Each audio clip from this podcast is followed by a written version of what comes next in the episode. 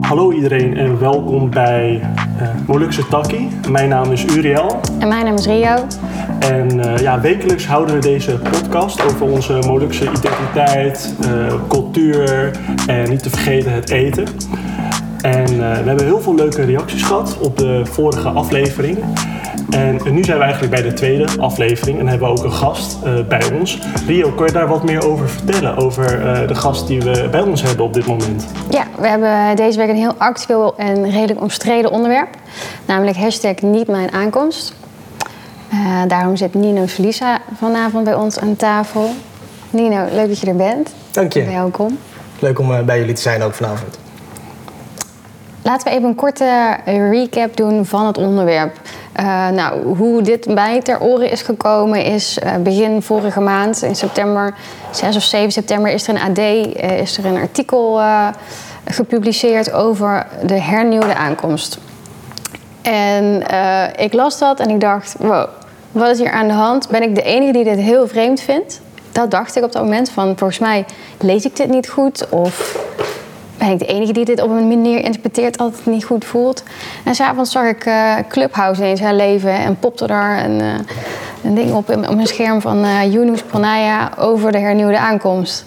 En toen ben ik gaan luisteren en toen kwam ik erin. En binnen no time was ik niet meer alleen, maar waren er 400 andere mensen die ook aan het luisteren waren. En wow, heftig de opeenvolgende clubhouses over die hernieuwde aankomst heb ik ook geluisterd. En uh, zo ook een beetje de start van de hashtag uh, die jullie zijn gestart meegemaakt. En ook bomvol, hè? Echt uh, 300, 300 luisteraars. Man, 400 man. Af en toe 10 of 20 mensen die ja. spreken. vol ook met emotie, wat ook volkomen begrijpelijk is. Ja. Nee, absoluut. Ik, ehm, ik was blij om daar ook andere geluiden te horen waar ik me iets meer in kon vinden. Uh, afgelopen maandag, of dat is nu alweer een week geleden, uh, was er wederom een artikel in het AD dat het is afgelast, uitgesteld, afgelast. En uh, nu zitten we dus hier om hier eens eventjes in de diepte over te praten. Want dat is wat we nu iedere podcast gaan doen. Een stukje de diepte in over een onderwerp. Dus introduce yourself. Ja. Van wie ben jij? Nino Van wie ben ik? Ja, van wie ben ik? Uh, ik ben een kind van mijn ouders, om te beginnen. Mijn vader Noes Solisa komt uit uh, Bovensmilde met zijn familie.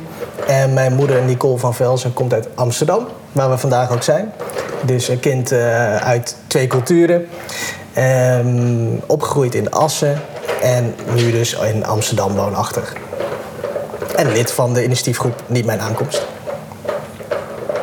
En, ik ga, ik hoor een heel leuk dingetje op de achtergrond, dat is mijn puppy. ik ga er even een dingetje afpakken. De tweede gast. De tweede ja, gast van dus vandaag. Inderdaad. De, de, de... Ze kan dadelijk wel een cameo doen. Ja, precies. en, um, en, en, Nino, in de tussentijd uh, is Rio even uh, de hond uh, Satu aan het verplaatsen. de hond die we hebben ook even de vorige keer geïntroduceerd onze onzichtbare gast, ons, onze onzichtbare hondengast. Um, ja, kan je wat vertellen over, uh, over uh, ja, ja, hoe oud je bent, uh, waar je woont, wat voor werk je eigenlijk doet? Zou je daar wat meer over kunnen vertellen? Ja, tuurlijk. Ik ben nu 28 jaar. Ik woon de laatste twee jaar in Amsterdam. Omdat ik hier ben gaan werken in de advocatuur. Ik ben advocaat arbeidsrecht, met name zakelijk arbeidsrecht bij een groter commercieel kantoor. En daarvoor woon ik in Groningen voor mijn studie. En als kind dus in Assen gewoond. Gelukkig ook dichtbij mijn familie in Bovensmilde. Dus dat is een beetje wat ik doe. En, en je bent advocaat. En, en, hoe is dat eigenlijk op je pad gekomen? Dat je hebt besloten van... hé, hey, ik ga nu advocatuur studeren. En wat is eigenlijk die, die drijvende kracht? Wat heeft ervoor gezorgd dat je die beslissing hebt gemaakt? Ik begon eerst toen ik ging studeren met bedrijfskunde. Ik had gewoon een bepaald idee. Dan ga bedrijfskunde studeren en dan ga je het bedrijfsleven in. En dan uh, ga je gave dingen doen. Dat klonk toen allemaal heel interessant. Totdat ik in die studie moest gaan rekenen. Dat hoorde daar kennelijk ook bij. Je moest met uh, jaarrekeningen en statistieken. Nou, bij rekenen heb je aan mij echt een hele verkeerde. Dus dat vond ik niks. En toen zat daar een, een vak in inleiding in het recht. En dat sprak me veel meer aan. Um, ook, nou, misschien dat een stukje rechtvaardigheidsgevoel daar wel in meespeelt. waarin misschien je achtergrond en je geschiedenis ook wel weer meespeelt. Maar vooral omdat ik zag dat, hey, dat, dat recht is wel een manier, dat heb je nodig in een samenleving om, je kunt problemen niet voorkomen, maar toch een beetje problemen stroomlijnen en voor een oplossing zorgen. En dat vond ik heel interessant. Het, is, het viel me namelijk ook op dat toen ik dat vak inleiding in het recht kreeg, dat je als je s'avonds het journaal aanzette, dat van de acht items, dat je over zes items vanuit juridische invalshoek wat uh, extra's wist. En toen dacht ik, hé, hier wil ik wat meer van weten. En heeft, heeft jouw Molukse uh, roots of identiteit ook invloed daarop gehad? Op, op, het gevoel van rechtvaardigheid voor jou als advocaat? Of zeg je misschien iets vreemds? Nee, ik kan niet uitsluiten dat dat, dat, dat wel meespeelt. Um, ik vond het in mijn studie kwam het ook terug dat in de verplichte jurisprudentie die je moest bestuderen, de verplichte rechtspraak is dat daar stond in mijn bundeltje internationaal recht stonden ook uitspraken van uh, de Republiek Maluku Selatan tegen, dat was toen de Nederlandse Koninklijke Pakketvaartmaatschappij.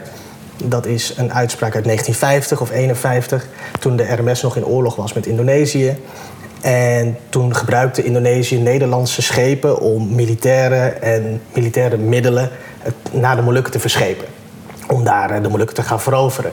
En toen heeft de, de Molukse regering heeft in Nederland een juridische procedure gestart. En daarin hebben ze geprobeerd om die pakketmaatschappij te verbieden, Nederland te verbieden, om mee te werken aan die oorlog.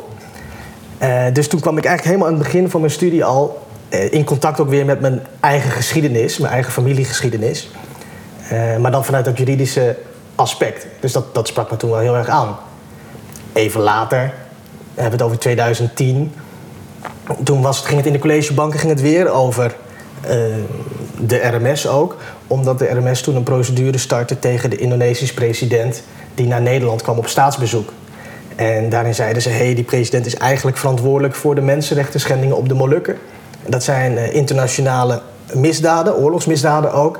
Dus als hij naar Nederland komt, Nederland, dan moeten jullie hem gevangen nemen. Nou, als president was hij eigenlijk onschendbaar. Staatshoofden worden niet gearresteerd, zo werkt dat nu eenmaal niet.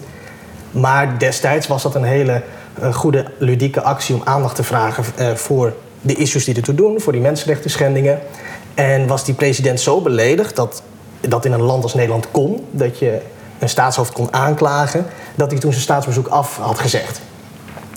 Volgens mij was het 2010. En, nou, dus, en toen ging mijn professor in de collegebanken daar ook weer van alles over vertellen. Dus zo kwam uh, mijn identiteit en onze familie en volksgeschiedenis toch ook wel weer terug in mijn studie. En, en, je hebt ook een mooi verhaal, want we hadden een keer een voorgesprek en we kwamen bij jou langs, ik en Rio. En, toen hing er een salawaku aan je muur. Daar Precies. begon het mee. En toen, uh, toen vertelde je een verhaal het, over. ja, het is een symbool waar ja. jij veel mee hebt. Kan je daar wat meer over vertellen? Ja, ja kijk, de salawaku, ook de parang natuurlijk. En die combinatie uh, het zijn wel echt uh, objecten die heel erg met onze cultuur te maken hebben. In combinatie ook met de chakalili natuurlijk, wanneer die wordt opgevoerd. En dat heeft voor mij eigenlijk wel parallellen met mijn werk.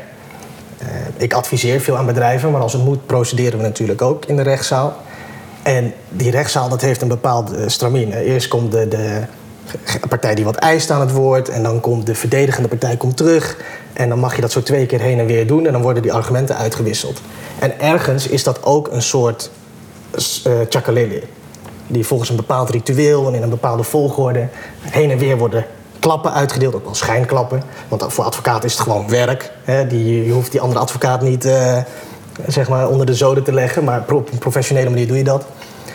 Uh, dus zo zag ik daar wel parallellen in. En, over de aankleding, want, want, want, daar had je ook iets over. Want, je, want als je als advocaat zijnde uh, voor de rechtbank verschijnt? Voor de rechtbank, rechtbank verschijnt heb je een bepaalde outfit. Kun je, kun je ja. daar wat meer over vertellen? Want over, ja? ja, tuurlijk. Ja, de, kijk, de outfit is eigenlijk heel saai. Dat is gewoon in de wet vastgelegd. Je hebt een toga. Die toga is zwart, mag niet te veel glimmen en dat is verder geen toeters en bellen. En dan met zo'n wit uh, befje noemen ze dat ervoor. Zo'n zo'n witte strook, uh, bijna papier lijkt het. En toen ik uh, afstudeerde, toen wilde mijn familie mij, mijn Molukse familie, dit familie Solisa, wilde mij een cadeau geven dat daarbij past. En uh, toen hebben we een, een, toga voor mij speciaal laten maken. Want je kunt eentje lenen elke keer als je moet verschijnen, maar je kunt ook zelf een, hebben. En van de buitenkant is die saai, is die dus altijd hetzelfde. Uh, maar de toga die ik van mijn familie heb gekregen, die is aan de binnenkant met de, de voering, die je dus aan de buitenkant niet ziet, maar alleen als je hem aan en uittrekt. Die is dan belegd met een, met een patroon van salawakus eigenlijk. In, uh, die in het blauw, wit, groen, rood gekleurd zijn aan de binnenkant van die toga. En dat vond ik wel een hele mooie symboliek. Want als advocaat ben je, je verdedigt toch iemand, of dat nou een bedrijf is of een persoon. Die salawaku heeft ook die symbolische functie van bescherming. En dan ook in combinatie met dat het van mijn familie aan mij is gegeven. En de meeste bescherming krijg je natuurlijk van je familie. Mm dus in die zin, elke keer als ik die toga aankleed, dan gaat om mijn lichaam heen gaan al die salawakus, dat zijn er honderden, die eigenlijk uh, mijn familie en ook wel mijn voorouders in zekere zin symboliseren, die, die draag ik dan om me heen. En dat geeft eigenlijk elke keer als ik me aantrek weer een, uh, een speciaal gevoel. Dan ben je in de rechtbank en dan ga je nog even snel naar de wc om te kijken of je, of je allemaal goed zit en of alles recht zit. En elke keer dan, uh, dan denk je toch ook weer aan je familie. Dan kijk jij nog even naar de binnenkant. Ja. Ja, ja precies. In plaats van alleen in de spiegel. Ja. Bijzonder, je bent eigenlijk een, een Molukse strijder in toga. Letterlijk en figuurlijk en over Molukse strijders uh, gesproken. Er is ook gestreden uh, over die hernieuwde aankomst. Uh, daar is ook een petitie over gestart. Uh, maar voor de mensen die nu luisteren en daar niet zoveel over weten, uh, waarom is er een petitie in eerste instantie gestart? Uh, en waarom eigenlijk? Wat is er met die hernieuwde aankomst? Ja. ja.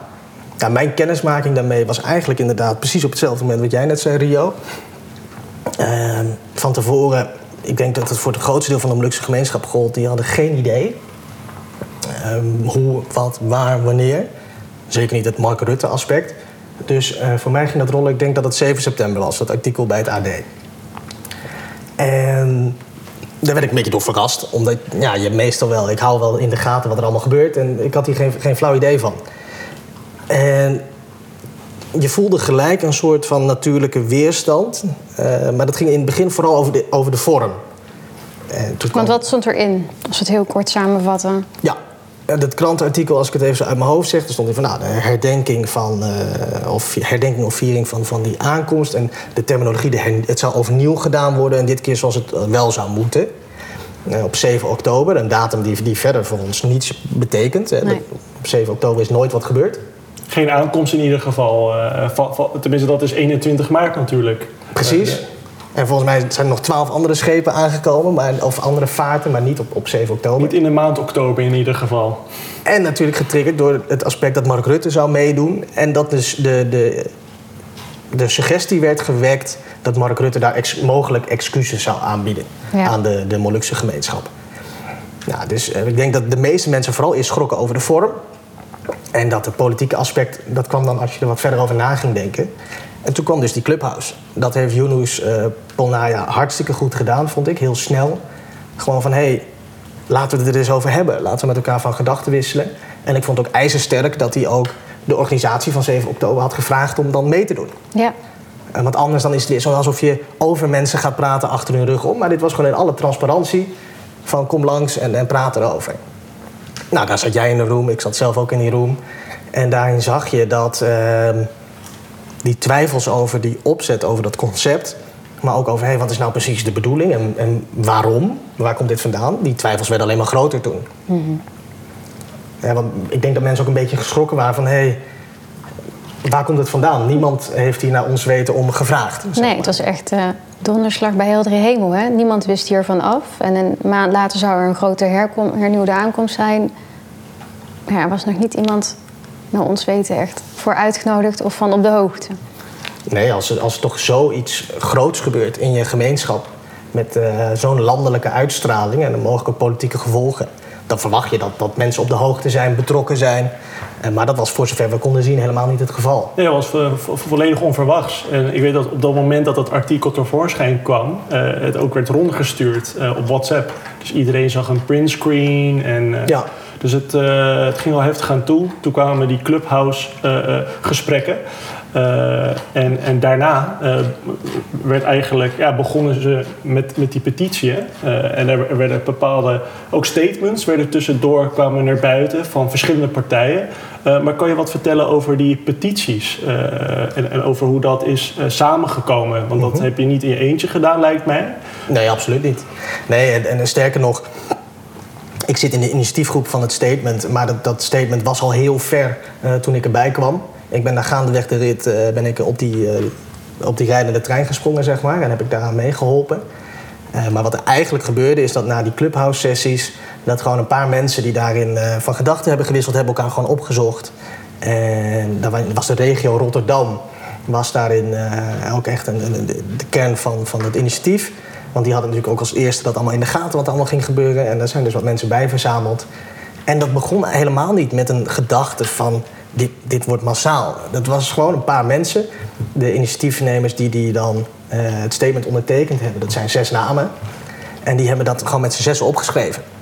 Eigenlijk een particulier initiatief. Mm -hmm. Net als uh, zoals die, de hernieuwde aankomst ook gepresenteerd wordt. Ja. En het idee was gewoon, toen we er nog verder over nagingen, denk van hé, hey, we hebben gewoon een aantal bezwaren Um, een van, die, van de kern van de bezwaren is natuurlijk dat de Molukse gemeenschap in het geheel niet betrokken was. Maar meer inhoudelijk, want dat is alleen vorm. Van ja, is het het moment voor zo'n gebaar? Uh, hoe zou een gebaar vanuit de Nederlandse overheid eruit moeten zien? En wij zeiden eigenlijk, joh, je kunt nu nog niet zo'n hele ceremonie organiseren. Ga nou eerst iets, iets doen met die thema's die er, die er echt toe doen. Doe iets inhoudelijks. Zoals? Welke thema's hebben we het dan over? Nou, we hebben een paar genoemd in het statement. En belangrijk is dat onterechte ontslag van onze opa's, van de kneelmilitairen. Draai dat eens terug. Er zijn allerlei groepen al jaren bezig met achterstallige soldij, achterstallige pensioenen. Het is schandalig dat dat nog nooit is geregeld. De Molukse wijken hebben over een land problemen. Discussies weer. Eh, op elk plekje dezelfde discussie met die woningcorporatie. Als er weer een woning vrijkomt. Weet je, mallas, weet je. Doe daar eens wat aan. We zijn daar als gemeenschap zat van. Regel dat een keer landelijk. Maar ook de verantwoordelijkheid die Nederland heeft ten opzichte van de Molukken zelf. En dat is wat wij hebben gezegd. Nederland heeft de Molukken 350 jaar gekoloniseerd. Dat, dat brengt schade toe aan een land en aan de ontwikkeling van een land. Tot op de dag van vandaag ervaren de Molukken eh, problemen, sociaal-economische en politieke problemen, die ook gevolg zijn van, van de manier waarop Nederland zijn verantwoordelijkheden in het decolonisatieproces heeft ingevuld. Mm En ook dat wilden we aanstippen. Want als je goed nadenkt, eh, de hele Molukken zijn bezet door Nederland. En dat, dat kun je niet ook afwimpelen door excuses te maken aan alleen de Molukse gemeenschap in Nederland. Dan moet je ook iets doen voor de hele Molukse gemeenschap. Onze opa's en oma's waren natuurlijk maar ook maar een, een klein deel daarvan. Nou, dus dat zijn zomaar even een paar punten ja. uh, die wij uh, hebben opgenoemd in het statement van goh, daar moet je dan echt eens wat mee doen. Hier is er natuurlijk ook nog de reizende tentoonstelling die hierbij hoort. En daar hadden jullie ook zeker wat over te zeggen. Want dat was de aankomst die hoorde bij de tentoonstelling. Ja, dat was wel echt, werd ook gepresenteerd als een package deal. Hè? Ja. Het, het, het een en het ander ging hand in hand. En daar zat ook heel veel weerstand in, inderdaad. Of er was veel weerstand tegen omdat, en de tentoon, toen wij het statement maakten, was de tentoonstelling er nog niet, nu wel.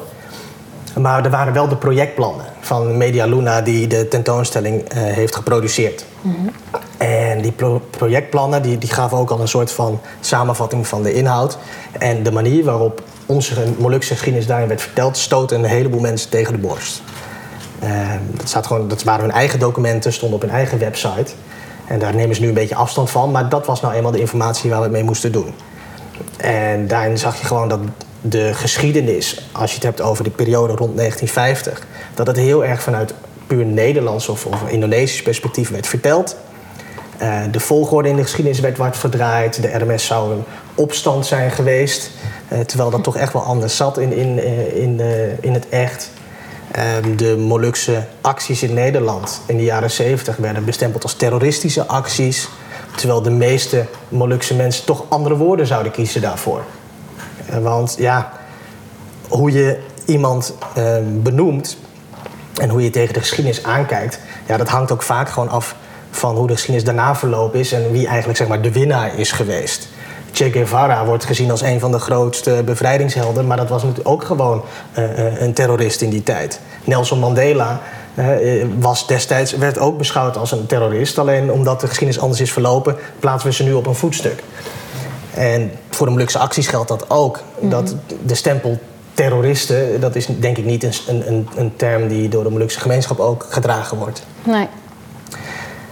En we hebben gezien, ik ben zelf niet bij de tentoonstelling geweest, maar we hebben wat beelden online gezien. Hebben we ook kunnen vernemen dat een paar van die bezwaren die wij hebben aangestipt, dat die kennelijk inmiddels al zijn aangepakt in de tussentijd. Dus ergens tussen dat ze die projectplannen maakten en dat de tentoonstelling in Moordrecht stond, eh, hebben ze al dingen verbeterd. Dus dat is hartstikke goed. Ook dingen als door de eeuwen trouw, zo'n uitspraak hebben ze best wel genuanceerd. Want Maluku was helemaal niet door de eeuwen trouw. Er was ook heel veel verzet. Er was ontzettend veel verzet. Patimura, hè, Marta Christina. Marta Christina. Ja, en zo zijn er volgens mij hè, nog meer Talloze, grote ja. opstanden geweest. En dat, dat hoort ook bij de geschiedenis. En volgens mij hebben ze dat nu een stuk beter er neergezet. Tegelijkertijd was het op maandag 13 september op de informatiebijeenkomst in eh, Hotel Jakarta. Daar had eh, de organisatie van deze twee projecten had een eh, informatieavond georganiseerd. Besloten, alleen voor genodigden. En Met daar, heel veel besloten- politie ook, geloof ik, of zoiets. Eh, dat had ik ook vernomen. Dat er heel veel politie aanwezig was. ja, ja dat, dat vond ik ook best wel shocking. Ja. Eh, want er was iemand van de initiatiefgroep ook bij en ook wat andere mensen die we En hebben waarom was dat besloten? Want het is een informatieavond. Normaal kan je dat bezoeken. Dan kan je vragen stellen. Het was ook vrij kort hè, voor 7 oktober. Het was drie weken voordat het evenement zou plaatsvinden. Mhm. Eh, hebben jullie daar inzage in? Waarom dat... eh, Nee, geen flauw idee. Kijk, van wat ik heb kunnen zien is het, die bijeenkomst pas belegd nadat de kritiek er was. Oké. Nadat de clubhouse-sessies eh, er waren. En nog een beetje voor, de, voor het statement. Dus het heeft een beetje de schijn van, eh, ik heb de indruk zelf, dat dat eh, opeens georganiseerd werd om te proberen om eh, wat, wat plooien recht te strijken met de gemeenschap. Om de gemeenschap toch het gevoel te geven dat ze, dat ze hierin mee mogen doen. Maar vervolgens mocht de gemeenschap dus niet bijwonen. Alleen genodigden. Ja, dat was echt een, een besloten uitnodiging aan mensen die eh, de organisatie zelf had geselecteerd. En ja, daar zaten een paar instellingen tussen, een paar individuen. Eh, maar dat was, dat was denk ik op zich al niet een weerspiegeling van de, van de brede Molukse gemeenschap. Nee, want in haar clubhouse zei Nathalie Toyshoete... iedereen die een vraag heeft is welkom en mail mij. En... Ja. Maar dus die uitnodiging die gold niet letterlijk. Nee, dat, ik heb ook nergens in het openbaar gezien dat je je kon aanmelden bijvoorbeeld. Volgens mij is het alleen individueel hebben ze mensen benaderd via mail. Van je kunt je aanmelden. En ook dan was het, je mag, je mag pas komen als wij hebben gezegd dat je mag komen. Als je aanmelding is bevestigd. Nou, nu kreeg Joaniek Vreeswijk, zit in de initiatiefgroep, die, die stond ook op die genodigde lijst. Die hadden ze wel uitgenodigd. Maar die ontving ook geen bevestiging dat ze mocht komen. En die bijeenkomst was maandag, dus zondagavond laat heeft ze er zelf nog achteraan gemaild. En toen mocht ze dan toch komen. Eh, maar dat, ja, was dus niet een openbare bijeenkomst. En inderdaad, wat jij al aangaf, stond het daar, eh, naar wat ik heb gehoord, stijf van de politieagenten. Buiten stonden busjes, patrouillerende agenten. Maar het allerergste is ook nog in die zaal zaten kennelijk ook agenten. En dat vond ik ook best wel shocking, want ik heb al heel veel Molukse bijeenkomsten meegemaakt, maar ik heb nog nooit gezien dat er politie fysiek in die zaal aanwezig was. Dat vind ik ook best wel intimiderend aan aan de ene kant. Voelt iedereen zich dan wel vrij om te spreken. Maar ook wantrouwend. Want dit zou een bijeenkomst moeten zijn van Molukkers door Molukkers, ons onder ons. Dus waarom moeten er dan politieagenten eh, bij aanwezig zijn? Dat vond ik zelf best wel heel raar ook. Ja, dat heb ik ook nog nooit eerder ergens gezien waar over iets werd vergaderd of Nee, binnen onze eigen gemeenschap zou worden opgelost.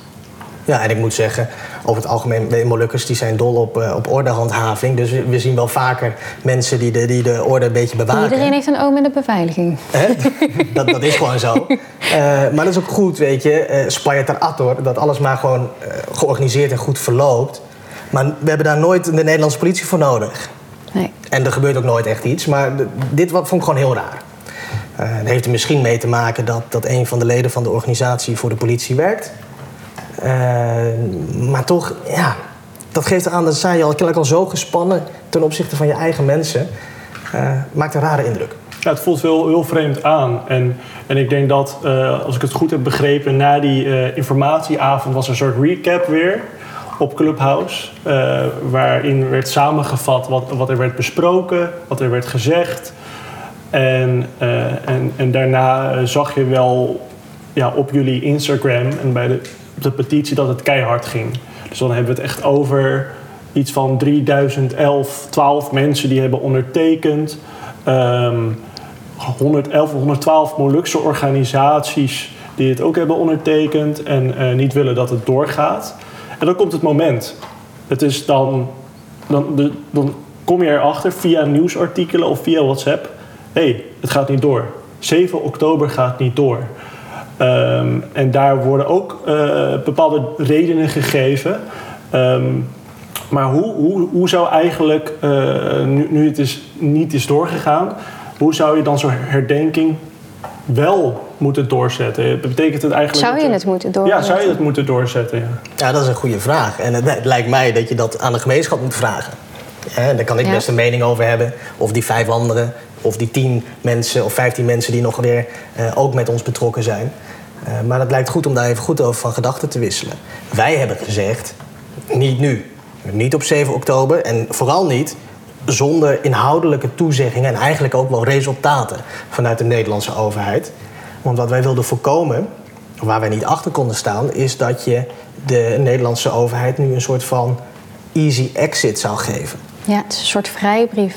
Ja. excuses ja, het, het, voelde een beetje alsof onze geschiedenis eventjes werd weggemoffeld, gewhitewashed. Dat Mark Rutte daar zou komen. Die zegt, oh ja, het is hier wel koud op de kade in uh, oktober. Dat zal voor jullie open en oma ook vervelend geweest zijn.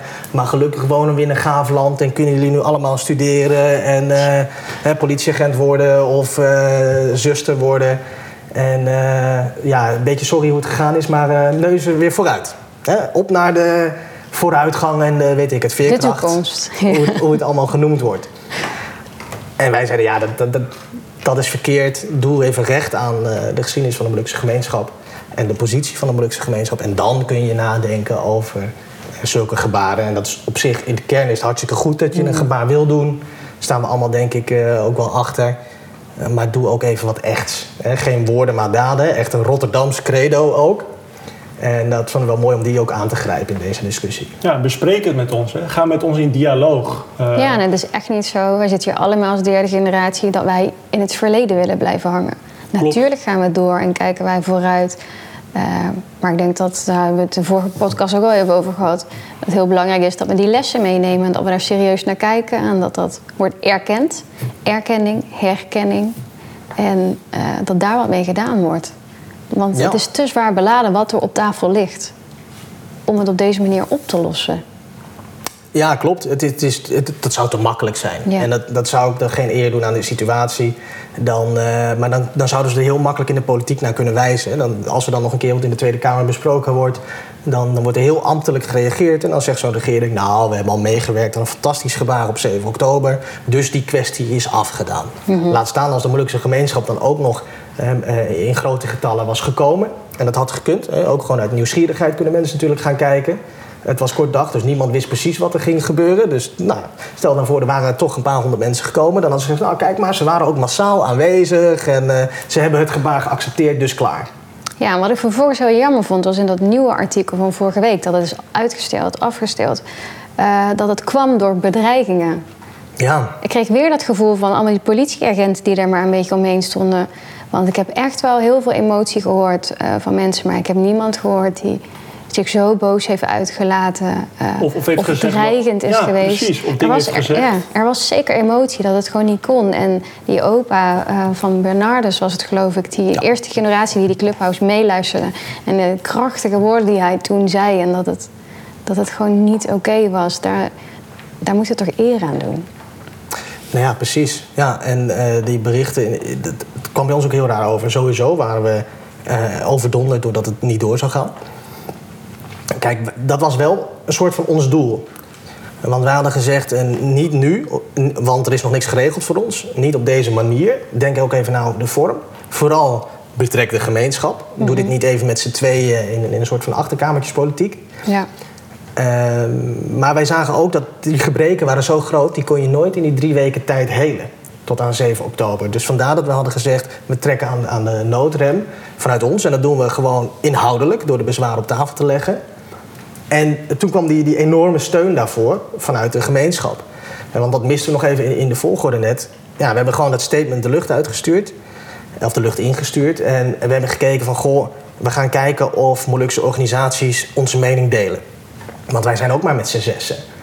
Maar we gingen hoe dan ook die boodschap afgeven. En toen zijn we gaan kijken van, goh, uh, jij kent, uh, want een van ons die woont in Capelle. Nou, uh, je hebt wel een e-mailadres van de wijkraad in Capelle. Nou, en zo hadden we 20, 30, 40 e-mailadressen.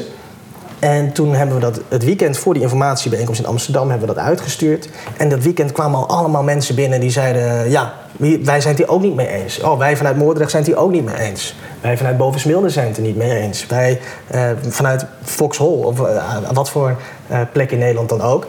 En toen konden we die, dat statement die maandagmiddag al aanbieden, 13 september.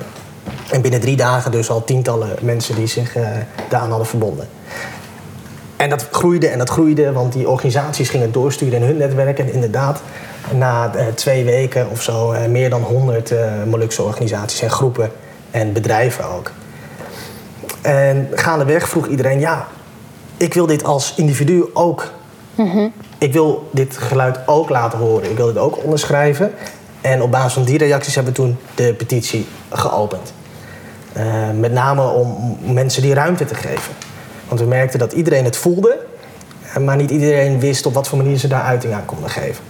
En toen ook ja, drie, meer dan 3000 handtekeningen in uh, anderhalf week. Toch ook best wel veel, vind ik. Ja, helemaal. Want jullie, het heeft zich natuurlijk via Clubhouse rondgesproken, wat een heel vluchtig medium is. Je bent daar en op dat moment hoor je het en daarna is het weg. En jullie zijn natuurlijk wel die Instagram gestart. Dus daar kwam het op een gegeven moment op gang. Ja. Maar ik kan me heel goed voorstellen dat het ook natuurlijk, ja, het moet ook nog van mond tot mond gaan. Ja, klopt. En dat was wel leuk. Wat we hierin zagen, dat is volgens mij voor het eerst, is dat we als, als jongeren zijn we begonnen met discussiëren. Mm begonnen met onze mening vormen. En, uh, dat, en dat was echt derde en vierde generatie. En wij waren allemaal best wel snel op de hoogte. Althans, veel van ons. En dat de tweede generatie, die moest eigenlijk achter ons aankomen. En dus we merkten ook dat, dat qua wijkraden bijvoorbeeld... dat die uh, wel echt even een weekje nodig hadden om de, ook even grip op de situatie te krijgen. Zicht op de situatie. Uh, voordat ze ook klaar waren om zich aan te sluiten hierbij.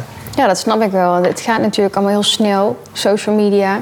En als je er niet bij was, dan moet je het eerst even van horen zeggen. Ik heb het zelf ook.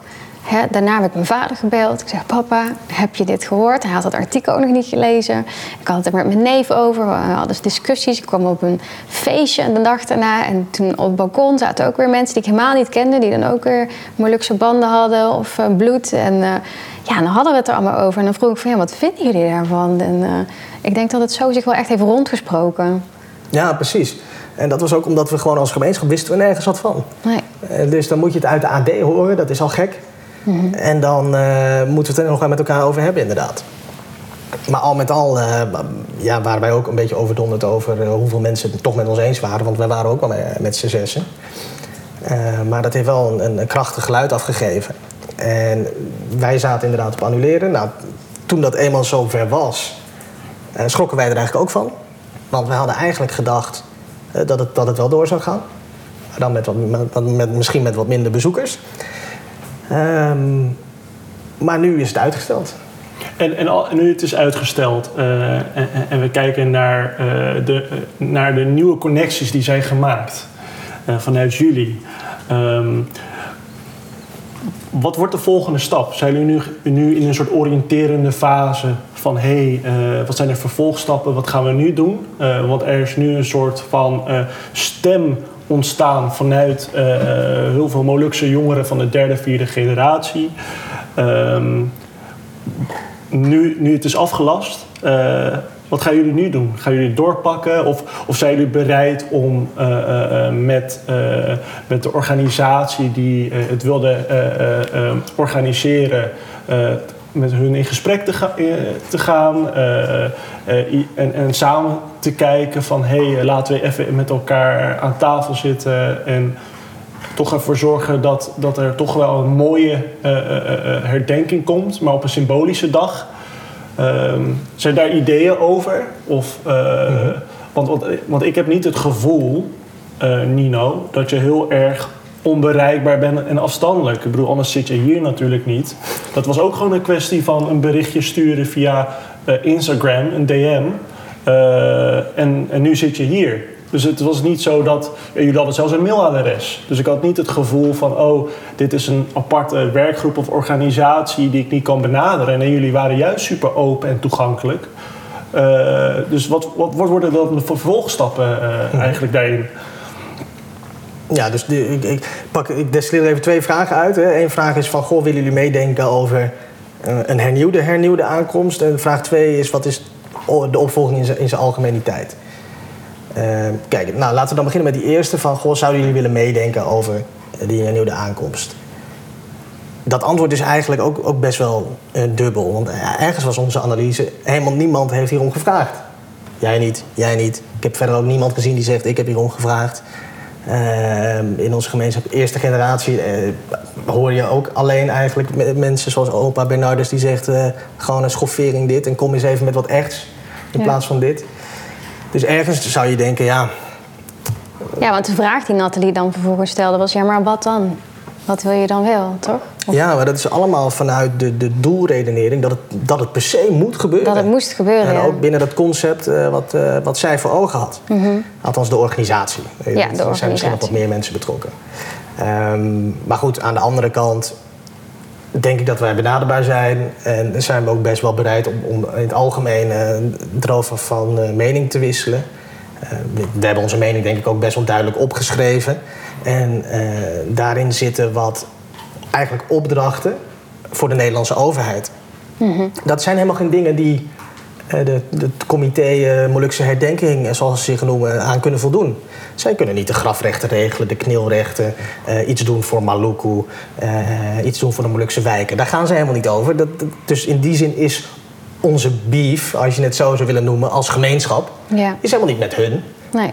Maar dat is met de Nederlandse overheid, waar we eh 400 jaar geschiedenis mee hebben af te wikkelen. Ja. En dat gaat niet in drie weken. En dat gaat ook niet in een half jaar. Want ze willen het over een half jaar doen. Dus je moet echt kijken van, hé, hey, wat, wat kunnen we daaraan doen? ja, het streeft dus zijn doelen voorbij. En al is het een particulier initiatief... het voelt toch heel erg als iets wat voor het collectief spreekt. Ja, die indruk wordt wel gewekt. indruk hè? wordt ja. gewekt. Vooral omdat Mark Rutte natuurlijk meedoet. Ja. En dat excuses-sfeertje eraan gekoppeld werd. Ja. Als dat er niet was, was het een ander verhaal. Vijf jaar geleden heeft de Molukse gemeenschap ook de aankomst herdacht. Ja. Heeft het Molukse Museum georganiseerd. Eh, tien jaar geleden ook. Maar daarin was niet dat politieke aspect.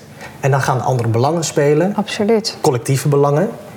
En ja, daar moet je dan wel eh, rekenschap voor tonen. Tenzij het idee is om ons collectief de pas af te snijden.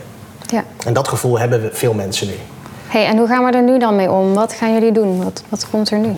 Dat was de, de vraag 2. Ja. Precies. Ehm, nou, dat is een vraag waarop we niet per se ingesteld waren. Hè? Wij waren gewoon zes mensen die een brief gingen schrijven met kritiek. En dan komt er een heleboel op je af en veel meer dan je ook dacht.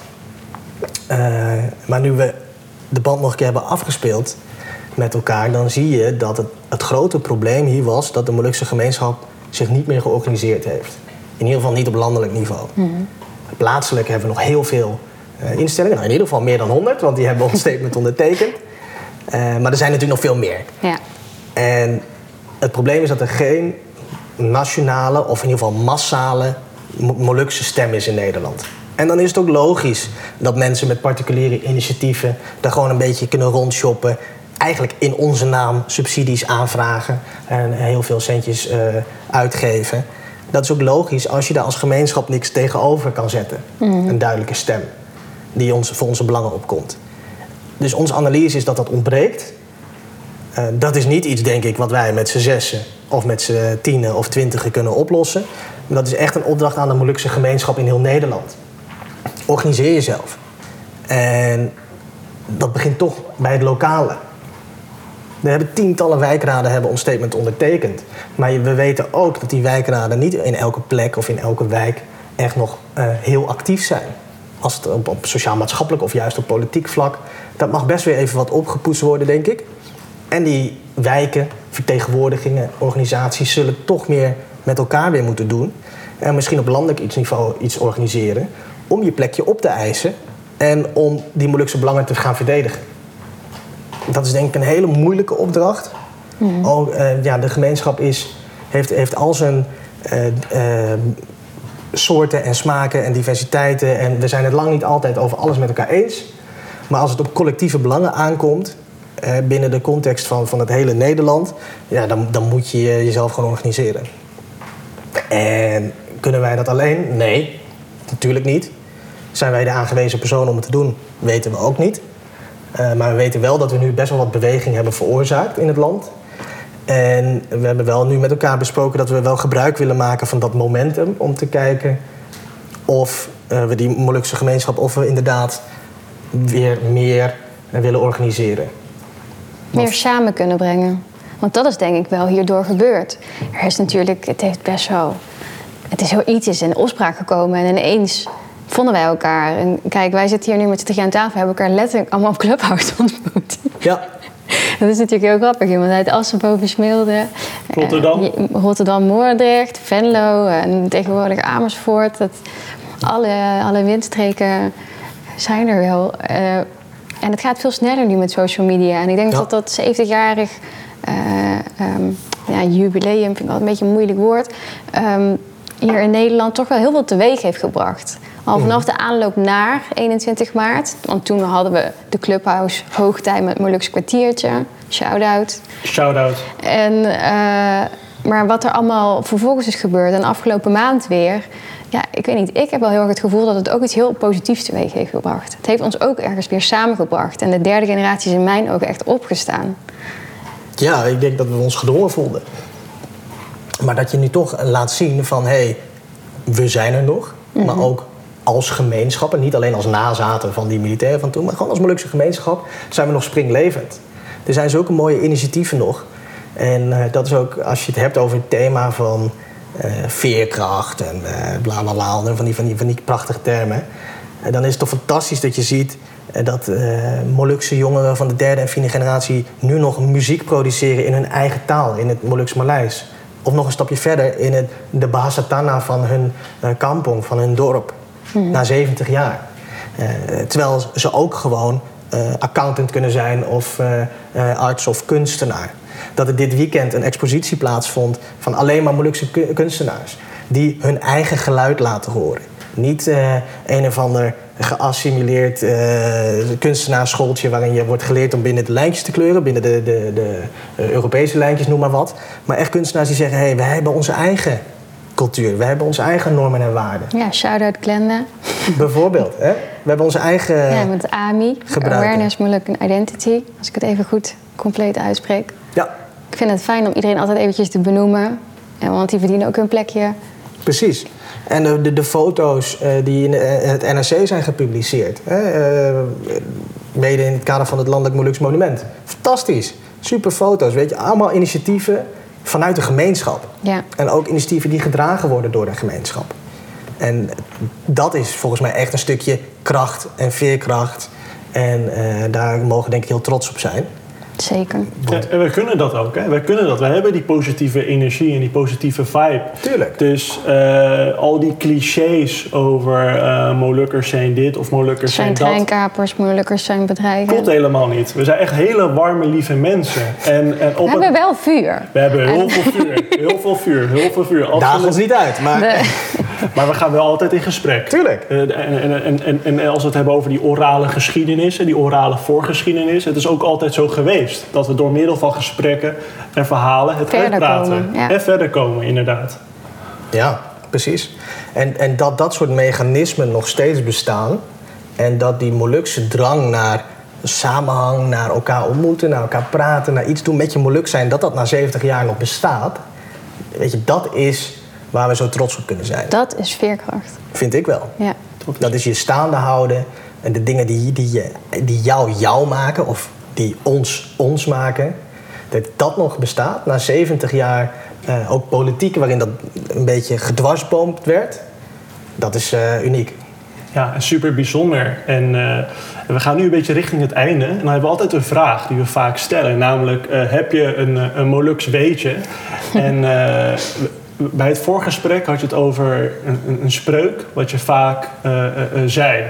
ja.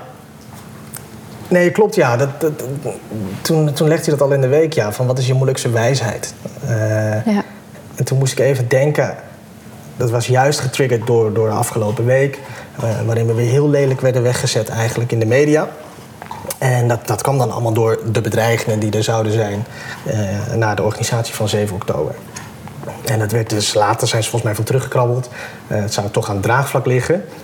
Maar er werd eerst een beetje gedaan alsof het door de bedreigingen niet doorging. En door, eigenlijk dus door angst, ook voor, uh, voor ongeregeldheden en zo.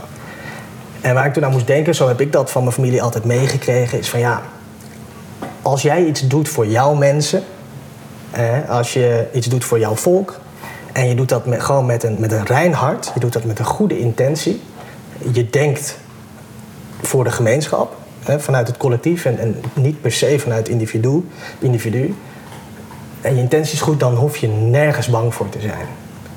Hè, de- en dat werd er altijd gezegd, kalau kerja voor bangsa dengan hati yang bersih, sing usa takut. Dan hoef je voor niemand bang te zijn. Ja. En, en daar moest ik ook aan denken eh, toen ik die berichten in de krant las. En dus ja, dat is dan eventjes mijn, eh, mijn moeilijkste wijsheid. Ja, dankjewel. Ik denk dat het een hele mooie afsluiter is. Bijzondere spreuk. Ik herken hem ook vanuit mijn familie. Ik hoor mijn tante op Laat Halen het zeggen.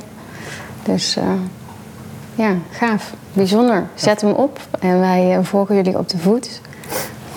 En bedankt voor je tijd natuurlijk. Echt eh, Ja, super tof. En, eh, en, eh, en voor de luisteraar, ehm, ja, ehm, we doen dit wekelijks. Ehm, eh, dus om de week hebben we een nieuwe gast. En ehm, ja, bedankt voor het luisteren. En eh, wie weet, eh, tot de volgende keer. Zeker tot de volgende keer. Dank jullie wel. Terima kasih. Terima kasih.